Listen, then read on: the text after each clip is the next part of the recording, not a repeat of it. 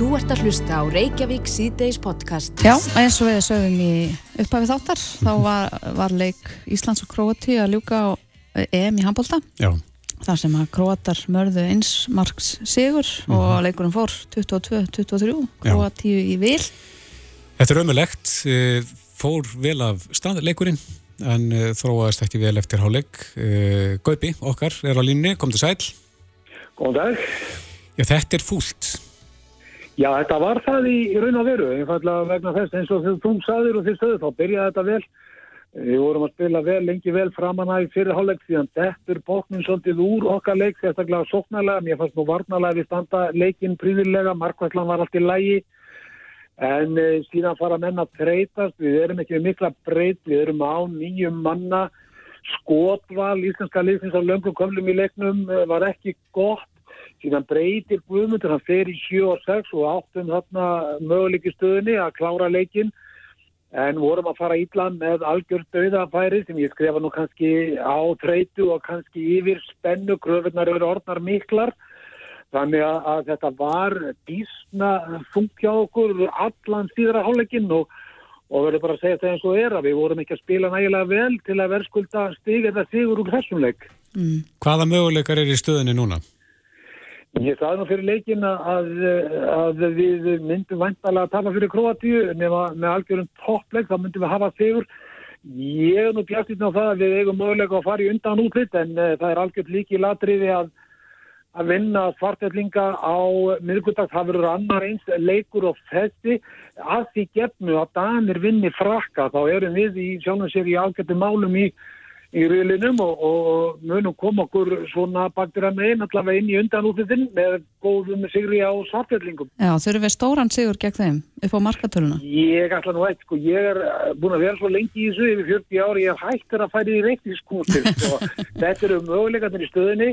Uh, sigur er nummer 1 og 3 líkil atrið upp á framhaldið. Ég er full að trúa því að, að drákarnir nái vopnum sínum. Við fáum væntalega ykkur að leikma tilbaka núna úr, úr þessu COVID-vesinu og verðum kannski öll betur mannaðir. Við þurfum að vinna leikinn, þá þurfum við að sjá til hvað gerist í hinnum leikjónum þegar við erum búin að klára okkar verkefni. En segjur við þurfum að vinna svartfellinga en, en þurfa Danir að vinna frakkana til þess að við eigum séns? Já, það er algjört líkilættrið upp á undanútlutinu. Við megum hins vegar ekki gleyna því að það er líka mikilvægt að að vinna svartfjöldarland upp á leikum 15 og 17 sæti vegna þess að 15 sæti gefur okkur sjálfkrafa sæti á heimsmyndaramótunni í handbólta næsta ári Mhm. þá þurfum við ekki að fara í umspil eða svona auka leiki í sumar um það sæti þannig að það er að andi mikla að keppa mótið er langt frá því búið þetta er nú bara rétt að byrja eins og ég segir þetta Já, þú ert náttúrulega, eins og segir, búin að vera í þessi 40 ár. Verður ennþá spenntur eins og við leiknum núna aðan? Já, ég er alltaf mjög spenntur en ég er nú svona með, aldrinu þá verður maður róleri, maður svona yfirvegari sem að fylgjast með þessu maður hættur að standa upp og rópa ég var nú hérna upp á uh, fréttastofu á meðan leiknum stóð, það var alltaf öðrum endanum hérna. Já, akkurat. En uh, var erfitt að fylgja eftir fyrir strákana þessum leik á móti frökkunum?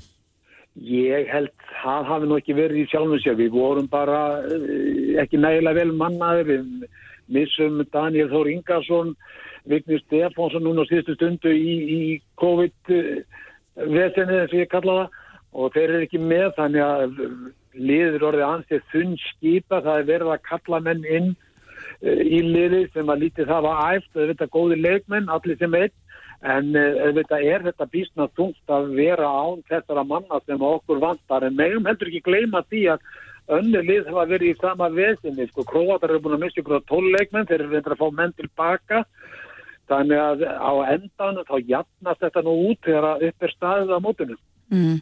Já, ég verð nú að segja, ég er ansið stolt af, af strákunum okkar. Mér fannst þeir berjast þó að leikurinn færi svona svolítið upp á niður í dag. Já, ég er algjörlega að sammála þessu. Mér fannst sko hjarta í liðinu, menn voru að leggja til fram, menn voru að gera sitt besta, auðvitað voru ykkur leikmenn sem voru ekki að spila sem besta leik, en þannig er það bara oftar en ekki á svona mótum að þú getur ekki spila 7-8 leiki á okkur um hálfa mánuði eins og kongur. Það er mjög sjálf sem það gerir. Mjög, ég var mjög ánægð með liðið og baráttin í liðinu en, en úrslitin, auðvitað, móbriði. Já, já. En ef maður horfir kannski 2-3-4 ár fram í tíman, þá gætu við áttar alveg þurrusu lið í framtíðinni. Já, við erum að búa til í því á sem að getur keft við bestu lið heims. Ég held að það liggi nokkuð ljóst fyrir. Við erum að eignast aftur lið eins og við áttum frá 2007 til 2014. Þá vorum við með lið sem var eitt af sex bestu liðum heims. Ég held á næstu svona þremur árum þá getur þetta lið orðið eitt besta handbótalandsliði heimi. Það er á leiðinu að ég það minnstam. Já. Ef við bökkum aðeins og aftur að frakkaleiknum, mannstu eftir öðrum einn sleik hjá Íslensku landsleikin? Já, ég gerir það nú reyndar sko. Þetta eru margir leikir, það er erfitt að þetta er náttúrulega síðasti leikunum sem við erum að gera svona stórkvæmstilega hluti eins og móti frökkunum við gerðum, vinnið það náttúrulega stórt, uh, óvænt. Ég man eftir leiknum í pekingamóti Spánverjum uh, á heimsleikunum í Svíþjóð World Cup sko 88 þá vinnum við Júkoslavi með einu marki stórkoslegum handbóttarleik það eru gríðarlega margir leiki svo við líka spila frábæra leiki sem við tapar uh, í áttalega áslutum á móti dönum í Hamburg 27 í tífrandunleik stórkoslegu leikur. Menn gleima oft svona leikum en þetta stendur þessi leikur á móti frökkum uppbúr svolítið núna í í minninu og hjartanu þetta. Já og sérstaklega vegna þess að það voru svo margir leikmenn sem að voru bara ekki, sem voru frá. Já, akkurat, en svo gleymum við því nú oft íslitingar sko, frakkar voru líka án líkil manna, það voru menn heima hjá þeim til að mynda þessi leika í hjarta varnarinnar hjá frökkum, þeir voru allir fjárverandi, þannig að það jafnaðist nú út, það vantaði ykkur að fjóra, fimm, sex menn í lið frakka eins og hjá okkur, en sigurinn var stórkostlegur og leikurinn auðvitað eitt og eftir minnilegasti sem við höfum spilað og líklega eitt okkar mesta íþarta afreg í þannig að mm -hmm. síðasta áratug. En Gaupi, ég hef líka hert menn tala um það og segja núna að, að það hefur komið í ljós núna í þessum uh, frakkaleg að breytt íslenska liðsins er kannski meiri heldur en við heldum. Já, hún er að aukast getum við sagt. Það eru leikmenn að koma hann inn sem að er að banka hressilega ábytnar sem stegir okkur það að, að breytin er meiri þannig að Hvað gerir þá að segja það okkur? Jú, það segja okkur það að það verður samkeppnum stöður í Íslandska liðinu sem er ræfinu góða. Mm -hmm. Leikmennir eru flesti hverjir að spila í góðum liðum ellendist. Þannig að við höfum þetta að sjá talsverða framfærir á næstu tveimur árum hjá þessu Íslandska liði. Ég er algjörlega samfærið um það. Já, framtíðin er björnt en það er spurning hvort þú viljið eitthvað tippa á leikin gegn Svartfjallalandi? Ég held að vinna þann leik. Ég var nú búin að spá því og spáði því í dag. Ég háti einn í dag í pappborðinu hérna og vísi að að við myndum tapa leiknum fyrir Kroati, við myndum vinna Svartfjöldarland og Danir myndi síðan hjálpa okkur með það að komast í undan og slitt og ég ætla bara að standa við það. Já, fín spá. Já, mjög góð, mjög góð. Við þurfum enga törur. Mjög góð spá. Guðjón Guðmusson, takk fyrir þetta. Sumulegði. Þú ert að hlusta á Reykjavík C-Days podcast. Man er fyrst einhvern veginn eins og það sé svona aukinn bjart sín í loftinu. Já, vissulega. Það færri að veikjast alvarlega af COVID-19. Já, og uh, fólk sem að maður hittir að það er svona því að við séum svona loka splettinu. Emmitt. En hvað segir fóringin sjálfur, COVID-fóringin, Þórólu Guðnarsson, sæl? Já, sjálfurði. Erum við á loka sprettinum að þínu mati? Já, ég hugsa það nú. Maður bara sér hvernig þróunin hefur verið og, og hérna sérstaklega núna með þessum útbreytu bólusetningum og útbreytu síkingum ofan í bólusetningarnar að þá, þá held ég nú að við séum að, svona, að, að sjá kannski enda svona síðasta kaplan í þessu allavega ekki nema eitthvað nýtt kom upp á sem að breyti, breyti þessu allverulega en En við erum ekki að sjá til dæmis margar endur, uh, endur smiti á þeim sem hafa fengið COVID. Til dæmis að það er eitthvað um 800 mann sem er nú ekki dvolega mikið. Mm -hmm. og, og ekki alvarlega síkingar þar. Og svo erum við að sjá á bólefnin eru bara að koma vel í veg fyrir alvarleg veikindi, sérstaklega örfunaskamturinn og, og er líka að koma í veg fyrir smit. Þannig að Þannig ég held að við séum að, að sjá kannski síðustu vikurnar í þessu. En það mun taka einhverja vikur kannski kannski sex vikur eða eitthvað svo leis. Mm. Nú heyrðu við síðustu viku frettir af því að frændur okkur og vinir í færi um alltaf hán og tekið ákvörðum að lifa með sjúkdónum og aflétta takmarkunum. Erum við Íslandingar að komast á þann stað að við getum svona farið að líta á það þannig? Já, við erum bara náttúrulega búin að lifa með, með COVID, eh, hérna, við erum búin að gera það í allan tíman, bara, við hefum gert það mismunandi máta og verið að reyna að ná fjölda smita niður þegar að spítalakerfið er alveg að keira um koll og, og það er það sem við hefum gert en við erum náttúrulega að lifa með þessari veiru svo, svo sannarlega hefur við gert það og, og, og við náttúrulega þólum ákveðin fjölda smita svo, svo fremi að, að við séum ekki að sjá eitthvað alvarleg veikindi sem er að, að setja spítalakerfi og heilbreyðskerfi á hliðina. Mm -hmm. þannig, að, þannig að það eru bara fína líka frettir frá spítalanum, þau eru búin að vera að gera sínar tölur og, og, og, og það, þá kemur þetta í ljós uh, að hvað bólefnin virka vel og alvarlega veikindum uh, er að fækka, þar að sé innlögnum er að fækka. Helbiðis á þeirra og fórstur landsbytjan skrifiðu saman grein þar sem að þeir talað um afléttingar og nú sem komið tími til þess og það er svona aukið þungi heyrimaður hjá þeim sem að vilja fara að aflétta og það er rætt mm. uh, Hvað hva, hva segir þú? Hver eru næstu skref hugsanlega?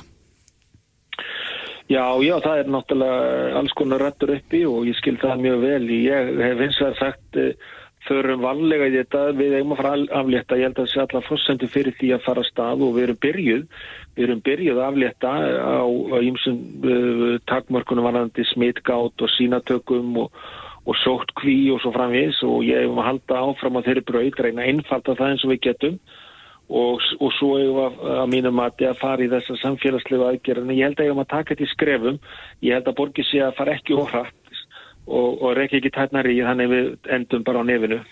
En eh, stendur til að styrta eh, einangrunnar tíman og, og jafnvel að afnema sótkvinna?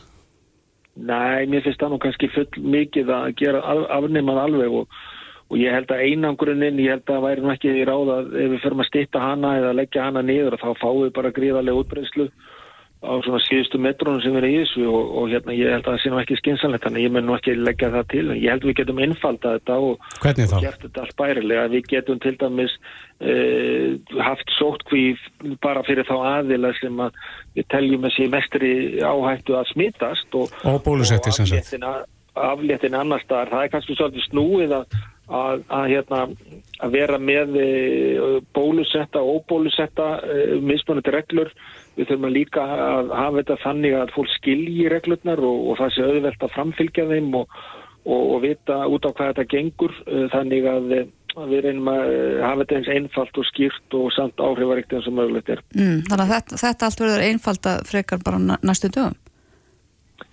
Já, ég mun uh, skila minnisblæði núna bara fljóðlega til, til ráðverða um, um þetta mm -hmm. og svo þarf bara að fara að byrja að hugsa um hitt, þar að segja uh, takkmarkanir innanlands og, og, og ég mun svona viðra það að við þurfum að gera því einhverju skrefum, ég held að það væri óráðlegt að gera það á einu bretti.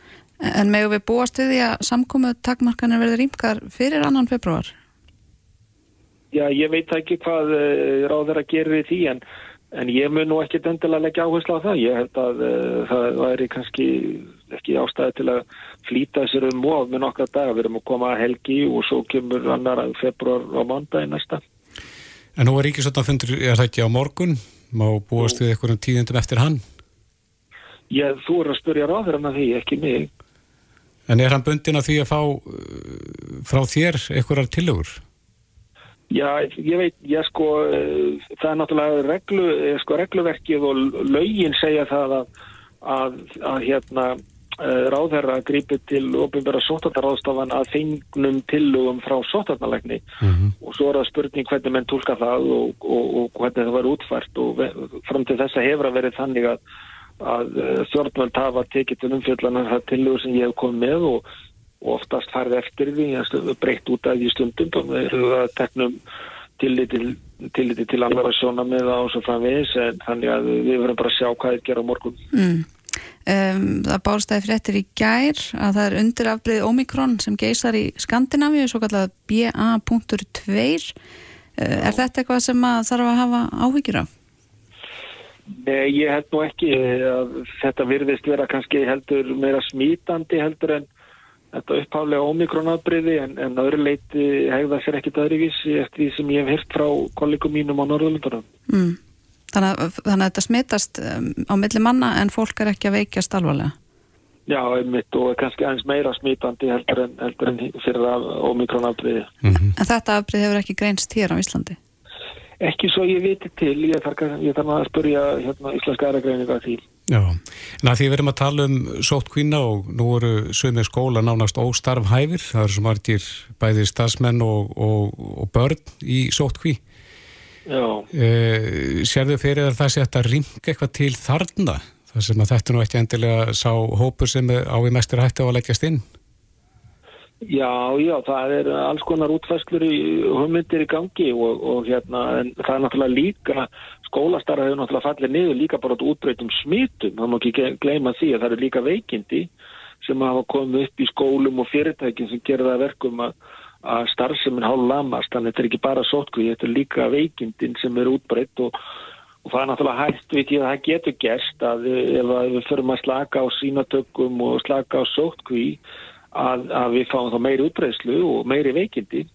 Það má ekki gleyma því þetta er ekki bara á einn veginn þetta getur ímislegt eh, haft ímsa afleðingar í förmið sér mm -hmm. En erstu farin að setja á blað eitthvað tilugur til ráðara? Alltaf, alltaf einhverja tilugur á blaði sem ég er veltað fyrir mér, já, já. já, já.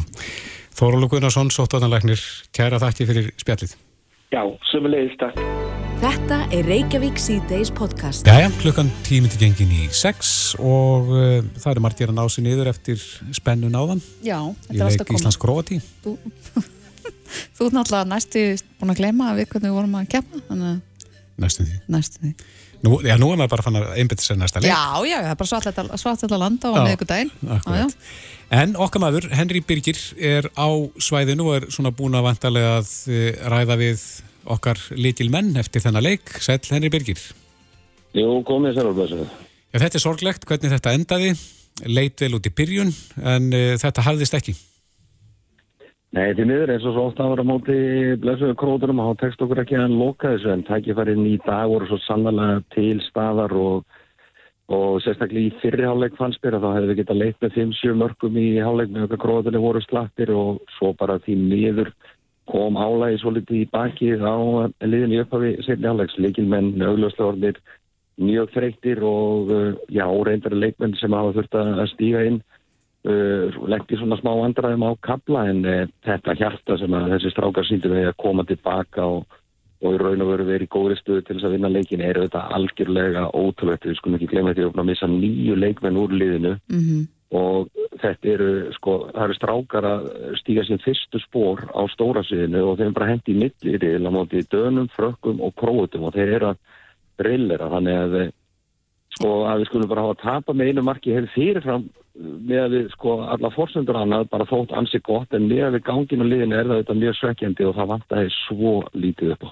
Já, mér finnst nú einmitt það mikil huggun þegar maður fer yfir þetta tap að þá heldur það manni í bjart síni og gleði hvað ymmit þeir síndu mikinn karakter og ástriðu, strákanir okkar Já, þeir voru komið bara hana eftir ykkur 13-14 mínútur í síðarháleik bara ánast ofan í svartól og maður sá bara að menn voru draga lappinnar eftir eh, jörðinni en einhver stað gróið er djúft ofan í kistuna og fundi einhvern kraft til þess að koma tilbaka og það er bara þetta stóra hjarta sem er í þessu liði sem að hjálpa þeim og það duði næstu í til en það er margt jákvæmt sem á þetta taka út úr þessu og, og þeir geta verið stoltir af þessu. Þetta var bara tínu lítið. Mm -hmm. En þú ert úti í Ungverðlandi, ertu búin að hitta eitthvað á þessa líkil menn hann úti eftir Já, leikin? Já, ég hittist rákana bara strax eftir leik og þetta er svo miklu kettismenn að það bara laka þeim svekkjelsvið og svitin eftir eh, leikin þegar voru sári út í sjálfsögur hafa ekki náða að loka þessu leik og það er svo magna einhvern veginn að fylgjast með andanum og fylgjast með þessu liði að, að þó svo að eh, sko staðan sem kom upp fyrir frakkaleikin hefur þetta að vera bara nóg afsökunum en það er einhver afsakanir það er bara allir sem koma inn ætla sér stóra hluti, það er allir saman í þessu og það er ekki minnumáttarkend mm. það er bara að þeir ætla sér stóra hluti og þeir ætla bara að gera á þeim sem eru eh, með sko ífrataskó nálega hverju sinni mm. það er bara alveg magnað og það er náttúrulega er huggun harmi gegn fráttur þetta svekkjandi tabi þessu rússipanna leika að það er ekki öll lótt út í enn, lótt frá því Emmitt, ertu búin að tala af landslýstjálfara vor? Já, hann var uh, bara mjög stoltur af uh, strákunum eftir leikin og hvernig þeir höfðu stíla en við kendum þetta ákveðin freyta og síðan reynsluleysi hefði ég, komið líðan svolítið um koll svona þegar mest á reyndi uh, svona framan af síðari halleg en getur ekki annað bara verið stoltur af því hvað þessi strákar sína sína stórt kjarta og koma tilbaka og skilja allt eftir á gólunu, leik eftir leik eftir leik. Mm -hmm. Eru menn farnar að gera sig eitthvað vonur en það að endur heimta menn úr einangrun?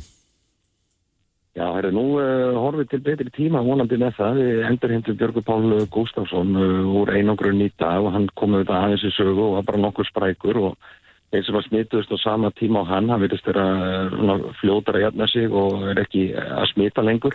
Mm -hmm. Það standa vonið til þess að þeir kannski komið tilbaka á morgun. Það eru tannustráka eins og Elvar Jónsson, Ólof Andris Guðmundsson og Gísla Þorgir Kristjánsson og einnig eh, eru þá að koma tilbaka Aron Pálmarsson og Bjarki Mári Elísson og já, það er ekkert útilokað að eh, allir þessi strákar eru tilbúinir í slæðing er svartilíkum á miðugudag en þetta þarf einhvern veginn að ganga upp, var þetta í PCR Pro og líka starfsemi mm -hmm. einstaklinga en það eru svona líkur á lofti að við getum mætt með betra liði í leikinu á móti Sartellandi og ekki veitir af mm -hmm. því að þar er bara allt undir, þar er bara farmiðin getur við farið í undanúsleiki sáleikur verður að vinnast til þess að eigum möguleik á því Já. og sko ég myndi treysta þessu líð í dag alveg til þess að klára en það er ekki verða að við fáum nokkrar kanónur tilbaka fyrir uh, þann slag Nei, einmitt, hvernig eru þessar kanónur okkar sem hafa verið í einangrun, hvernig eru þær að tækla það inn á hótelherbyggi? Hvað, hvað er verið að gera til þess að halda andlu og líkamlegu hliðin í lagi? Ég, það er þeirra stórtið spurt, Jörgur Páll eh, fór það leiðin að lega bara öllum að sjá það, aðri hafa svona já, meira dreyðsinn í skil og eru öllust bara eh, að gera æfingar og horfa á vídeo og tala við fólki sitt og annað bara til þess að halda gefið sinni því þetta lítur að vera alveg reykala sökjandi að vera komin á flug og svona stórmóti og svo er bara kipt undan fótunum og fótt læsturinn í herbyggi í fimm, fimm daga að minnstakosti. Ég get ekki ímynda með hversu erfitt það er en, en það sem maður hefur heilt er að þeirra var allir verið frekar enginna litlir og þar alveg ekki mjög mikið veikir og, og ætti þar alveg alveg að hafa orku uh, til þess að spila þegar þeir komið tilbaka og vonandi verða þeir bara vonandi allir komið tilbaka á mikulegi. Já, akkurat. Já, við sendum bestu ströyma út til Ungverðarlands. Eh, við heyrim hérna þessi Gaupa í uppafið þáttar og, og hann talaði um það að Danir þýrtu að taka frakkana ef við ættum eiga séns á að komast undan og slitt. Já, það er svona ákveðin eh, líkit faktor í þessu, við þurfum að klára okkar og svo þurfum við að treysta á danna á móti frakkonum. Danir eru með betra lið en eh, frakkar og en aftur á móti verða væntar að tryggja sér sjálfur inn. Þannig að eh, það er svo sem ekki draumastað að treysta á einhverja aðstóð frá dönunum en við, við treystum því að gömlu lærisveinar Guðmund og Guðmundssonar laununum hérna með smá aðstof að rætta það nú einu svona ólupík og þið lóta náttúrulega til að þurfa að borga fyrir það. Já, okkur, við erum nú samanlega um það hér á Íslandi að Danir skulda okkur eitthvað þannig að við bara vonaðum besta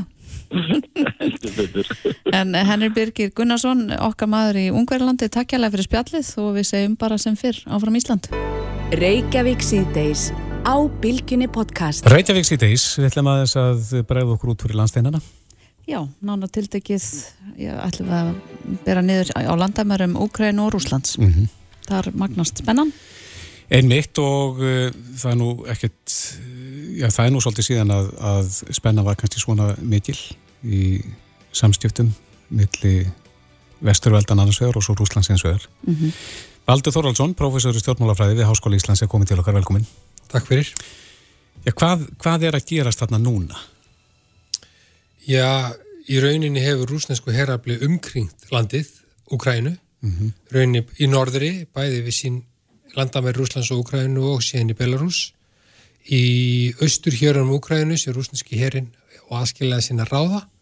Svo náttúrulega eru í söðrunu þá hafa, eru rúsneski herrafli búin að koma sér fyrir á Krímskaka sem tókuði 2014 og svo eru þeir í hluta Moldavíu uh, líka í austustu hjörunum þar. Og uh, samkvæmt uh, alþjóðlega fréttum bara undirbúa árás á landið eða misluti hóta árás og það sem er náttúrulega gerast í Kremli er að það að ráðum þar finnst þeir vera aðþrengtir mm -hmm.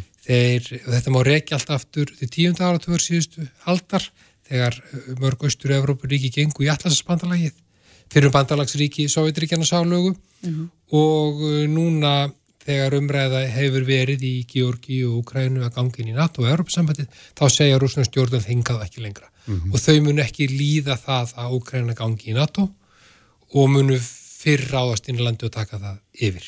Mm. En hvað gerist ef að rúsa láta verða af þessum áformum sínum?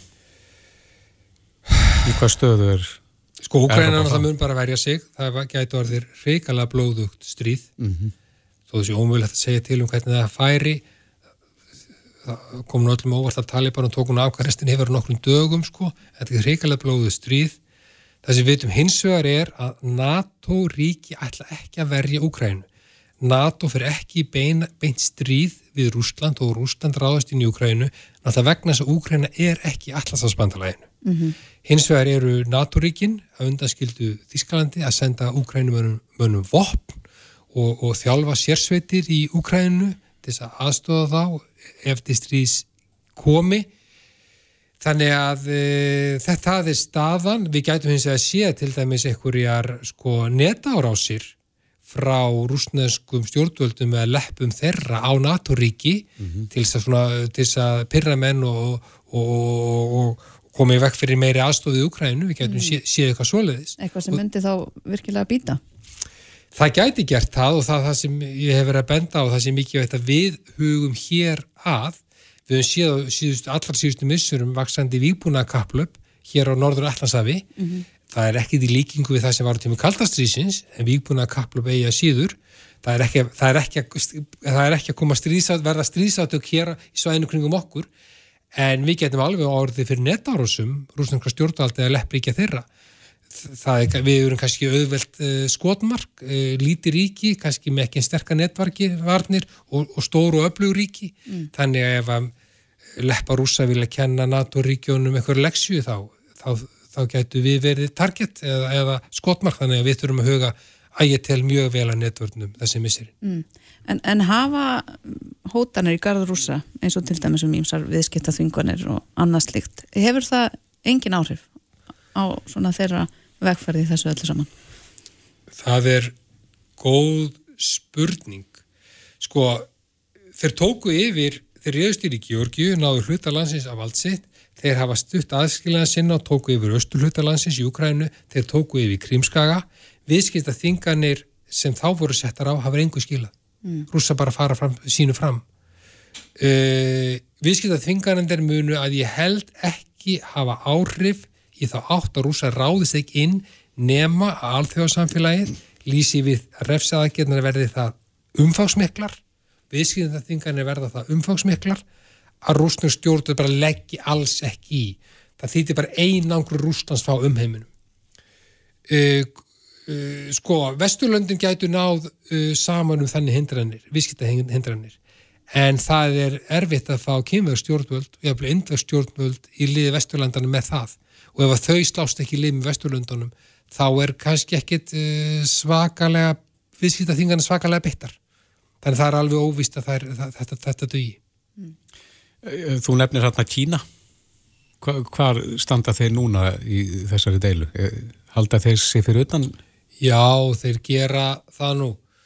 Það lakir nú bara ekki í þeim að þetta sé, sé svona mikla deilur á milli Rúslands og Vesturlandana. Þeir halda sér til hljés, vilja ekki blanda sér í, sér í þessa umræðu, mm -hmm. skipta sér af, en á sama tíma þá vilja ekki endilega verið að taka þátt í í viðskiptaþingunum refsi aðgerum gegn Rúslandi ef að þeir myndur ráðast inn og, og, og þar með svona óbeint sko auðvelda rúsum að að, að, að aðtapna sig á, á svæðinu sko. Mm -hmm.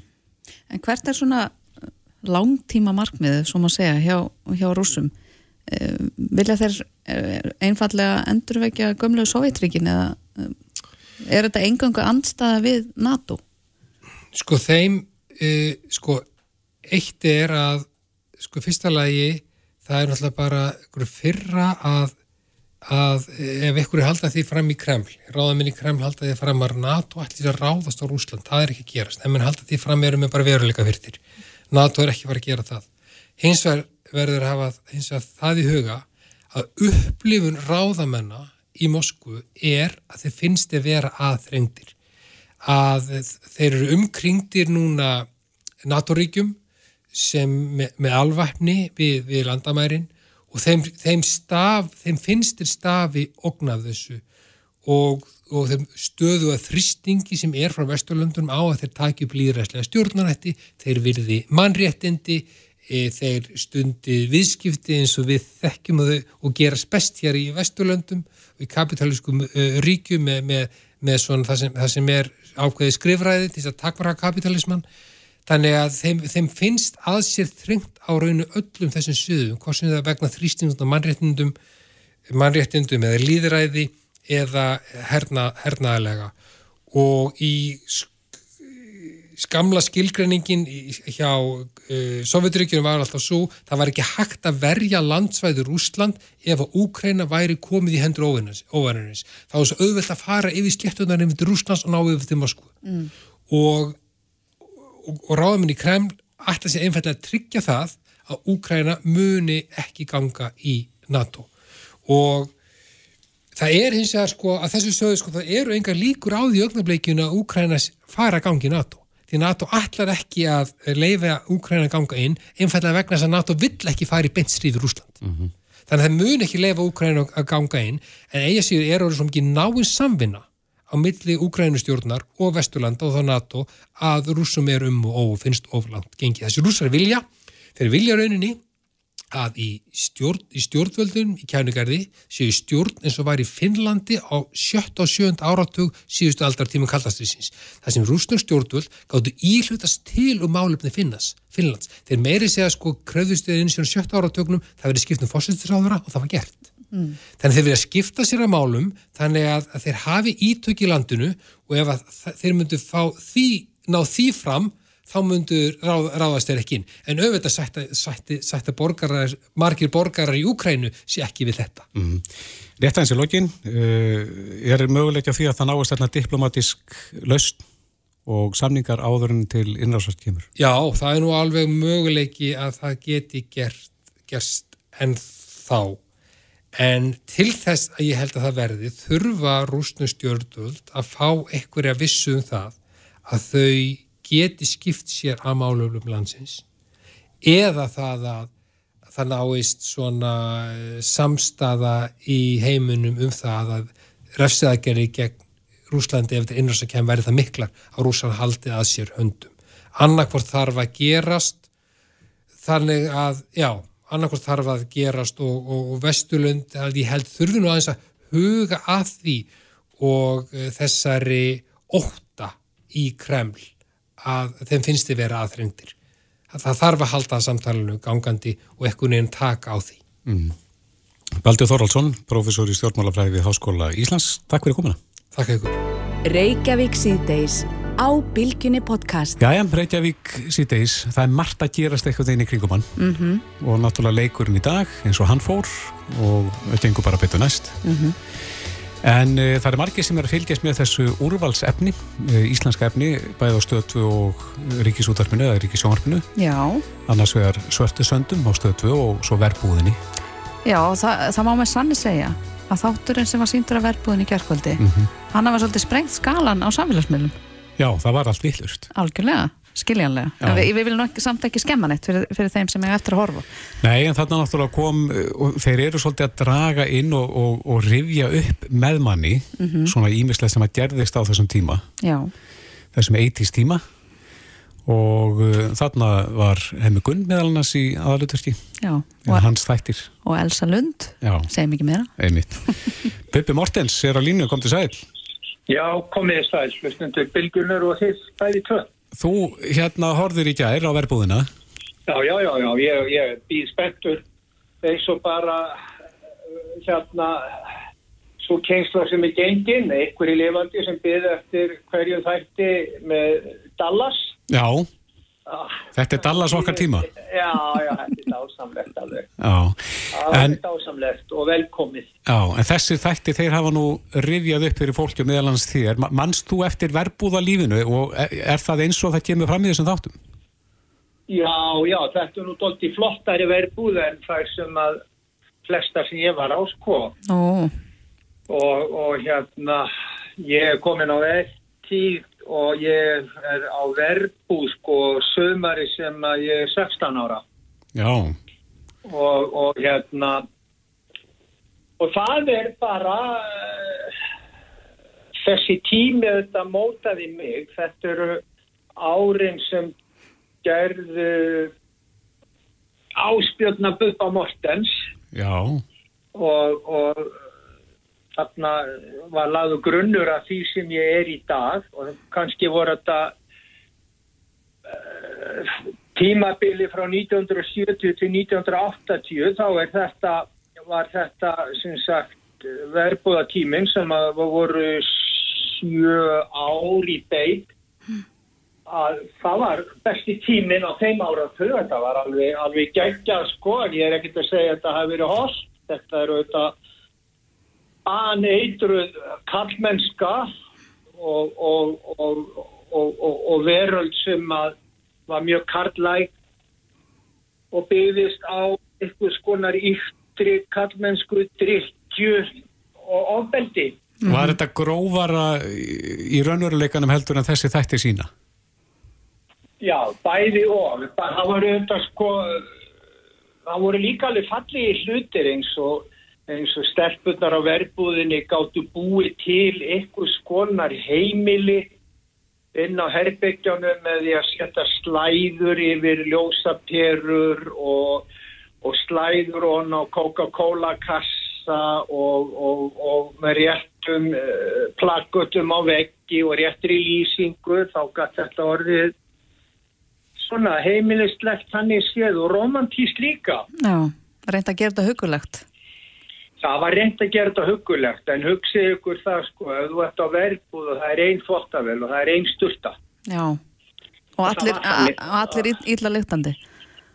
Nei, kannski ekki en þú veist sá sem komst fyrstir í stuttu hann auðvitað fekk heita vatnið og, og síðan var kannski byðuröð en sem betur fyrir að þá sagt, eh, voru sundlögar nánast í hverju einasta plássi. Og, og þannig að það var hægt að fara í sund og, og, og, og svona. Og, og hérna þannig að að það alveg bjargaði manni sko. Mm. en svo voru bara uh, slagsmál, rýðingar og fyllir í Já, Var það svona rauðið þráðurinn? ekki kannski eh, ekki slagsmálin en slagsmálin þau voru á ákveðnum dögum. Um, um, um helgar og, og, og, og, og síðan var þetta svona heimamenn, hvað var stundum núningur á milli þeirra, það var líka núningur upp á verbúð og svo auðvitað þegar það voru ungur og, og það eru stelpur sem eru á lausu og, og allt þetta, þá getur nú orðið eldfitt ástand sko. hvar, hvar var verbúðin sem að þú varst? Í hvaða bæjarfélagi? Uh, ég byrjaði að verbúð á Bólungavík 1970 og 2 Mm 73 fór ég að verbúð á Hotnaferði uh, 74 í 2 ár í Vestmannegjum 76 77 Nesköpstaður mhm. 78, 79 uh, Eskifjörður þú Og- varst, bara, þú varst farand verka maður bara fram í fingugóma? Já, já, já, já, já. ég bara þvældist á milli, sko. Já, já. En þú manst þetta hansi vel. Manstu jafnvel eftir því að að öll skiptin sem þú heimsóttir heima gunn? Já, já, ég nánast mann öll, en sko, það er ástæða fyrir því að ég var alltaf með kolsvart reipangleru í öllum heim og gunnþáttanum, sko. já. Það var bara vegna þess að ég var út úr stónd, sko, í öllum þessum þáttum og, Mm. og á þessum tíma þá bara var ég í mikill í neyslu, en kannski ekki eins harðir í neyslu og 80 og, já, 80 til 84. En já, já, ég man eftir öllum með hemma kunn og við henni vorum miklu vinnir og, og hérna áttum, áttum gott samband, sko. Já. Í þessum þætti í verbúðinni gær, þú settir einmitt inn fæslu um, um þessar heimsóknirina til hemma en, en rifjaði þetta upp e, þessar heimsóknir þínar í gær, þessi, þetta atriði? Já, Jésús Pétur maður, ég menna, þú veist, Latti í Elsulund, gerfi, Mhm. var auðvitað einhvers konar náttúruafl. Einmitt. og það var ekki þægilegt að fá uh, Elsu Lund sem er vitt engin mörg á sig hvað þá en maður var stón það er svona það kann vera alveg svakalegt.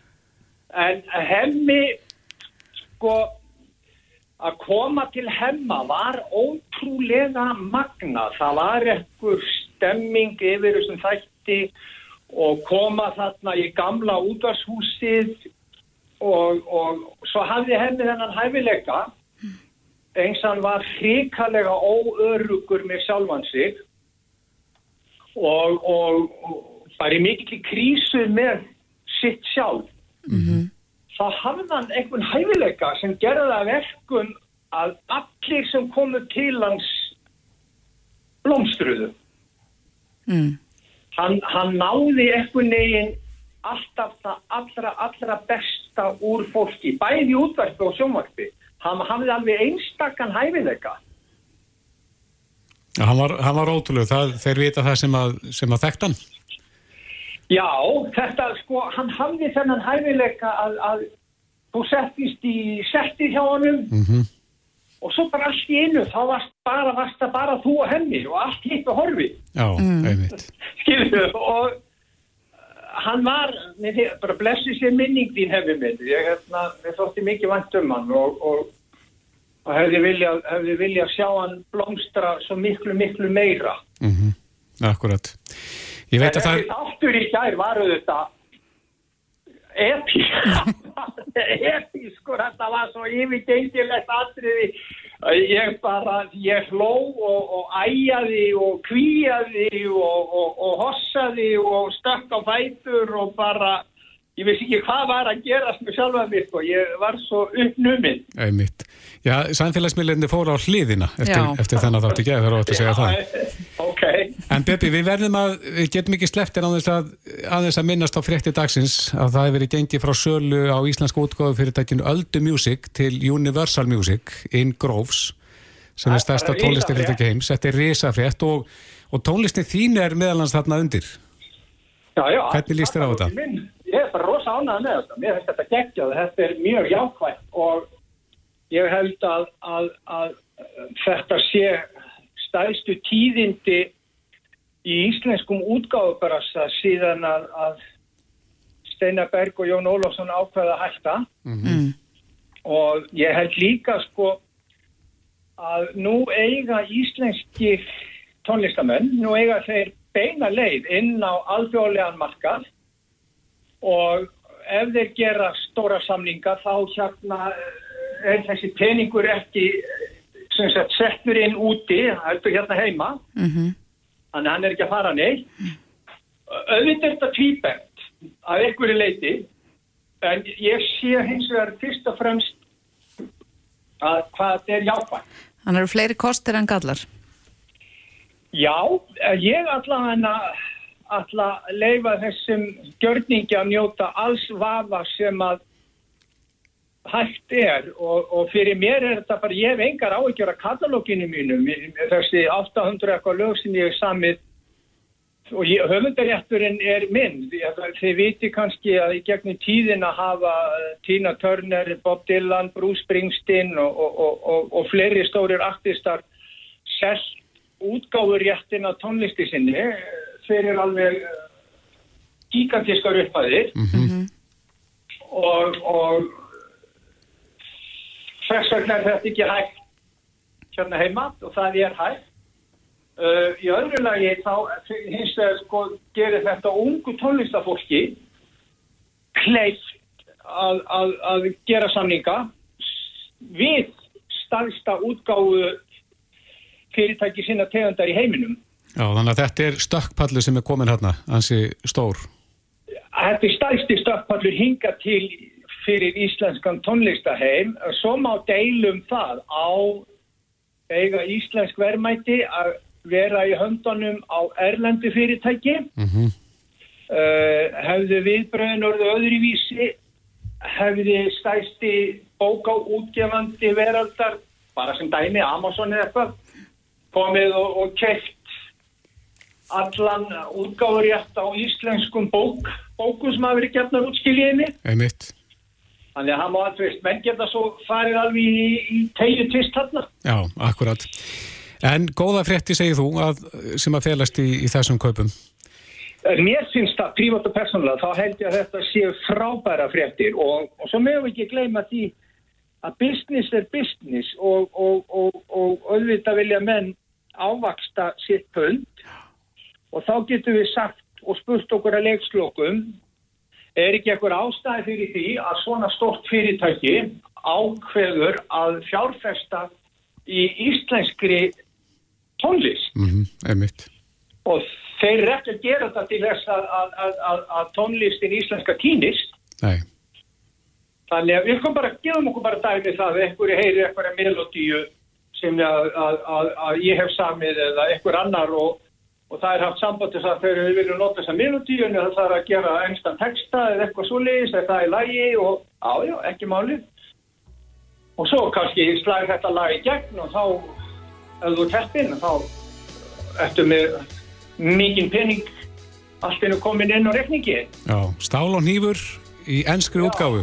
Já, akkurat. Eh, Akkurat Þetta er spennandi. Eh, Bubbi Mortens, gaman að heyri þér. Kæra þakki fyrir að eh, Já. rifja upp með okkur. Já, bara takk fyrir, takk fyrir innlitið í síman minn. Já, bless, bless. Þetta er Reykjavík C-Days podcast. Reykjavík sýtis á bylginni. Flest elskum við nú dýrin, eða ekki? Jú, ég... Flest ég, hver í það mista? Þau eru svo sætt og þau eru svo góði vinnir. Einmitt. En það er líka fyllt sögun að uh, dýrahaldi hefur, uh, þess, það hefur aukist, sérstaklega núna tímum COVID. Einmitt. Skortur á kísum núna, Já, og það það er hægt fréttum að, um hægt að fá dágóðan pening fyrir lítinn kettling, sá einhvers þar. Og svo hefur náttúrulega hundahald aukist mikið í, í þessum faraldri. Mhm. En uh, við rákast á auglýsingu þar sem er verið að bjóða fram aðstóð uh, þegar að fólk glýmir við hegðuna vandamál hunda sinna. Einmitt, það getur verið ímislegt. Allt frá gelti yfir í aðskilnaðar kvíða. Já, einmitt. En uh, við erum með hundakvíslara á línunni. Það var Þorbjörg Svana Gunnarsdóttir. Uh, Kont sæl. Sæl. Uh, ert þú eini titlaði hundakvíslarinn á Íslandi? Uh, já, ég held það. Allan að fann ég þetta og náðu þessu bæði á Instagrami og Facebook og náðu að kaupa heimasíðu þannig að ég held það. Já, þannig að þú ert bara hundakvíslarinn. Ég er bara hundakvíslarinn. Já, en uh, segðu okkur aðeins, hvað, hver er þinn bakgrunnur í þessu starfi með hundum? með hundum. Mhm. Þetta er eiginlega, ég bara fæðist sem bara einhver hundadyrkandi og er bara, ég mátti ekki fá hundi á lítilega en að ég lappaði í hús og fekk að passa hunda. Mhm. Svo suða ég svo mikið í að fá hundina heimil að fóreldur mínu gáði mér stóru hundabókina. Þannig að ég, þarna, ég kunni hana alla utan af og en hætti ekki að suða þannig að þegar ég voru um 15 ára þá fengu okkur eitt lítinn kavalér Mm.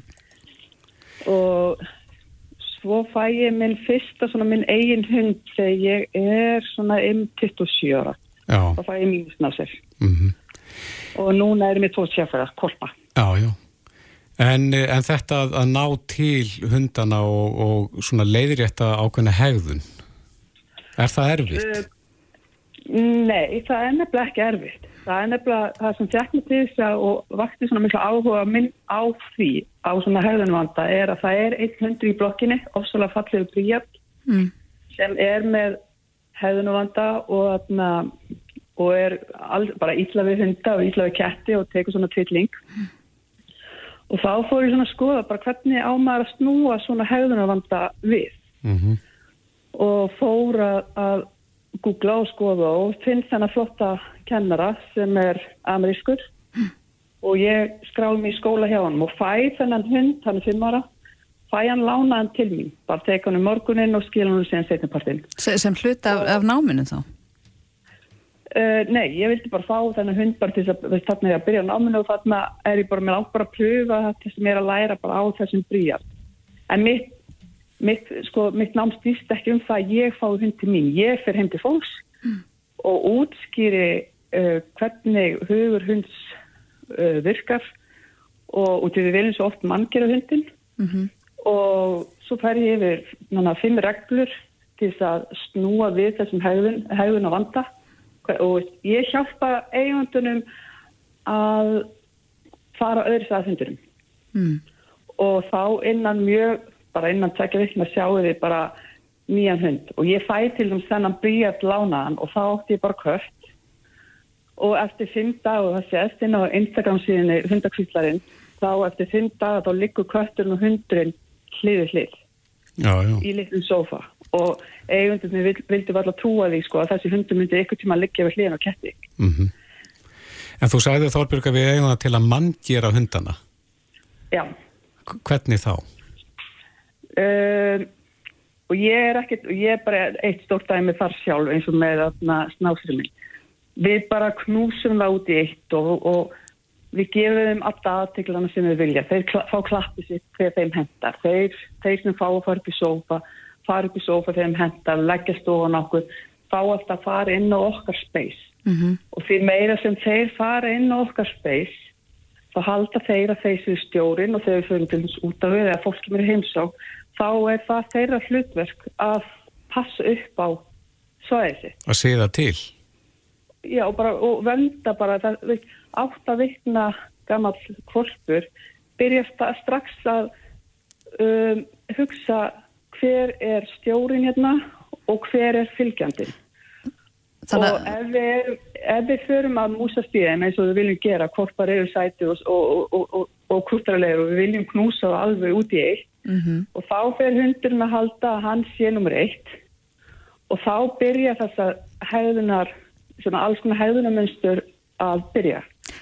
Eins og aðskilnaða kvíði gælt, þú getur alltaf að fara í heimsótt með hundin út af bara einhverjum hegðunarvanda. Fólk kemur í heimsótt, hundur í síni svona dómirandi hegðun. -hmm.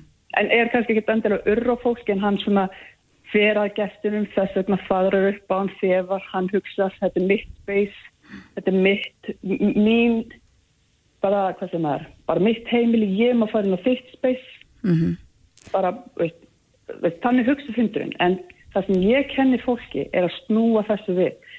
Því að þegar hundur heldur að hann sé stjórun inn á heimilinu það er rosalega stressfaldandi fyrir hund.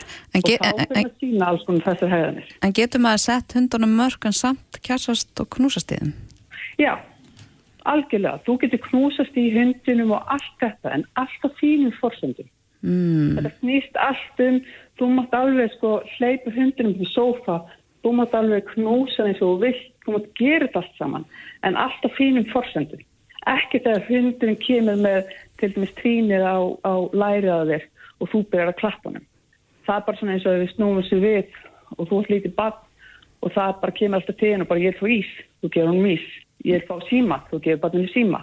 Og þetta verður bara degra bann og það sama gildur um hundin ef hann fær alltaf klappi sitt hann fær alltaf aðtikli þegar hann vil fá aðtikli þá fer, fer, fer þetta mönstur að snúst við hann heldur hans er stjórin Mm og þetta er bara, þetta er bara innbyggt í hundum Já. alveg bara til margra bara margra ára aftur í, í tíma En nú, bara- en nú er á tala um að það sé ekki hægt að kenna gömlum hundi að sitja en er hægt að snúa við hegðunarvanda hjá hundum á, á hvaða aldrei sem er? Algjörlega, ég á bara rétt fyrir jól. Til dæmis eins og þessi bríð sem ég var að tala um hann var fimm ára. Uh, ég fór rétt fyrir jól og hitti fólk sem áfslega fallið hann bólabít og ég bara settist með fólkinu og útskýrði og, og það segja allir bara um mig vákvæmt að make a sense. Mm. þetta er engin einhver svakalig vísindi. Þetta, bara, þetta meikar allt svo mikið sens og við öll getum fyllt þessum fimm reglum og ég fyrir yfir þetta og, og kenna mér þetta og sína um hvernig ég umgengst hundi með að ég sit með eigundunum svo bara er engin þörf á mér aftur. Ég mæti bara eins og auðvitað má fólk alltaf ringja og, og hafa samband við mig. En mín þörf er ekkert oftar en einu sinni. Ég heit sinni ín og þessi bólabítur er 8 ára og hún hefur aldrei átt eins góð með hundinum eins og þessi jól. Þannig að aldrei skiptir ekki máli og þetta eru rosalega klára skeppnur og þeir skilja um leið og þú fyrir að sína þessa breytingu þá svissast hundur niður og hann, þú bara sér að hundin, hundurum, hundinum hún er léttir, allt um fyrir hann að liggja, hann fyrir að sofa hann séu fastar, hann er ekki alltaf á varbergi, Mm. hann er ekki alltaf bara ef ykkur lappa framhjá, fer hann á stað að tjekka hvað er að gerast Já, já. og þegar hann veit að eigandin Mm er sá sem passar upp á heimilis þannig að hann getur bara verið slagur og bara halda frá að sofa. Og það er hægt að fá þig á svæðið eins og segir. Hva- Hvað kostar einn heimsó?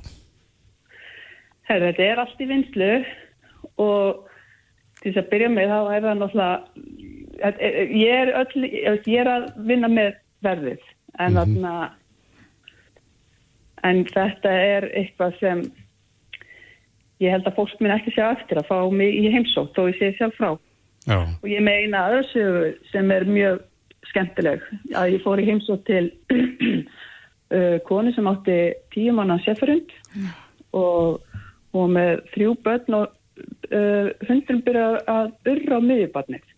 Og hundurinn sefurundurinn er tíu manna og þetta er alltaf einu svona einhver ný hegðun hjá hundurum að urra á miðjubarnið og það er ekkert grína af að stóran sefurhund og, og fá hann til allt einu urra á barnið sitt. Og þessi kona var búin að tala held ég við þrjá hunduþjálfara og var eiginlega komin að þann stað hún þurfti bara að láta hann frá sér, bara að finna nýja neyjanda nema að hún heyrir á mér og ég kem til hennar. Og ég þetta er bara flottur, indislegur hundur ekki, veist bara hundur, bara sem heldur að hann bara er að passa upp á allt sem hann Mm. og ég hef síðan samband við hann eftir viku. Og, og því ég er mjög svona stundur langar maður að ringja eftir tvo dagar sko. Og ég reyna að hefja mig og næ ég hefja mig hann í viku. Og hún bara trúði ekki að hundur var búin að breytast. Já. hættir að vera bafnið þannig að það skiptir ekki máli hvað aldrei er hvaða vandamál þú ert að díla við með hundinum. Þetta bara virkar Já, þetta er spennandi. Eh, Þorbjörg Svana Gunnarsdóttir, hundakvíslar. Þú ert með Instagram síðuna hundakvíslarinn, er það ekki? Já, jú, Og hægt að fá nánar upplýsingar þar. Kæra þakki fyrir þetta og gangið þið vel. herru, takk kærlega Bless, bless. Hlustaðu hvena sem er á Reykjavík C-Days podcast.